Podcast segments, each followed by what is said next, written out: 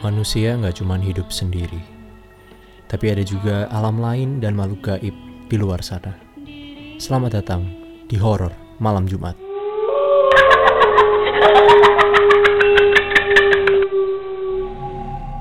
Segmen Horor Malam Jumat ini pada awalnya dibuat dari sebuah ide um, karena di podcast ini nantinya nggak cuman aku sendiri yang cerita tapi ada satu temanku yang nanti bakalan juga cerita. Dan dia pernah bilang ke aku kalau misalnya ada banyak cerita-cerita di kampus kita yang bisa diangkat untuk diomongin. Karena emang kasus-kasus ini kebanyakan polanya sama dan dan bagaimana mereka diganggu sama makhluk gaib itu um, di lokasi-lokasi yang sama di tempat yang sama dengan cara-cara yang hampir mirip. Dan cerita-cerita dari mereka itu menarik buat didengerin. Dan kita juga berusaha untuk bisa berdiskusi sebenarnya kenapa sih hal-hal ini kejadian.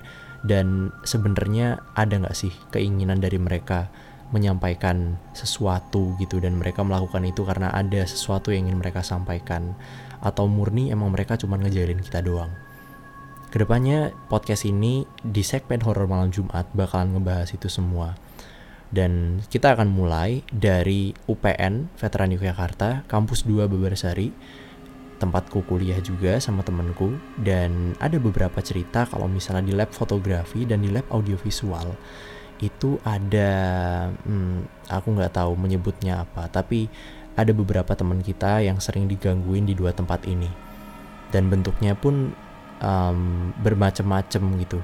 Ada yang ngeliat visual secara langsung dan ada juga yang digangguin pakai peratara misalnya lewat benda atau lewat kejadian-kejadian aneh yang mereka rasain dan kayaknya kalau misal dinalar itu nggak nggak masuk logika banget.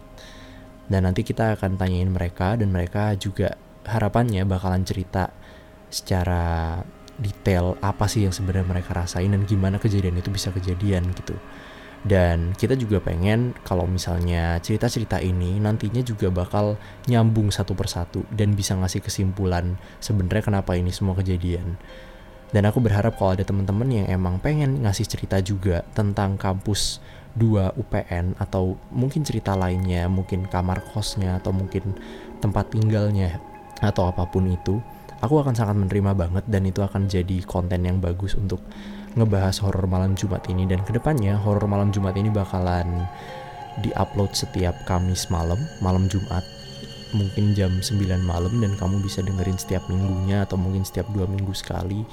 Aku belum tahu karena emang konten ini um, harus dipersiapin matang-matang banget karena emang pembicaraan di dalamnya pun juga menyangkut sesuatu yang serius dan kalau misalnya kamu penasaran tungguin episode dari horor malam Jumat berikutnya aku bakalan ngobrol-ngobrol sama seseorang yang dia pernah ngeliat sesuatu di lab fotografi dan di lab audiovisual di UPN.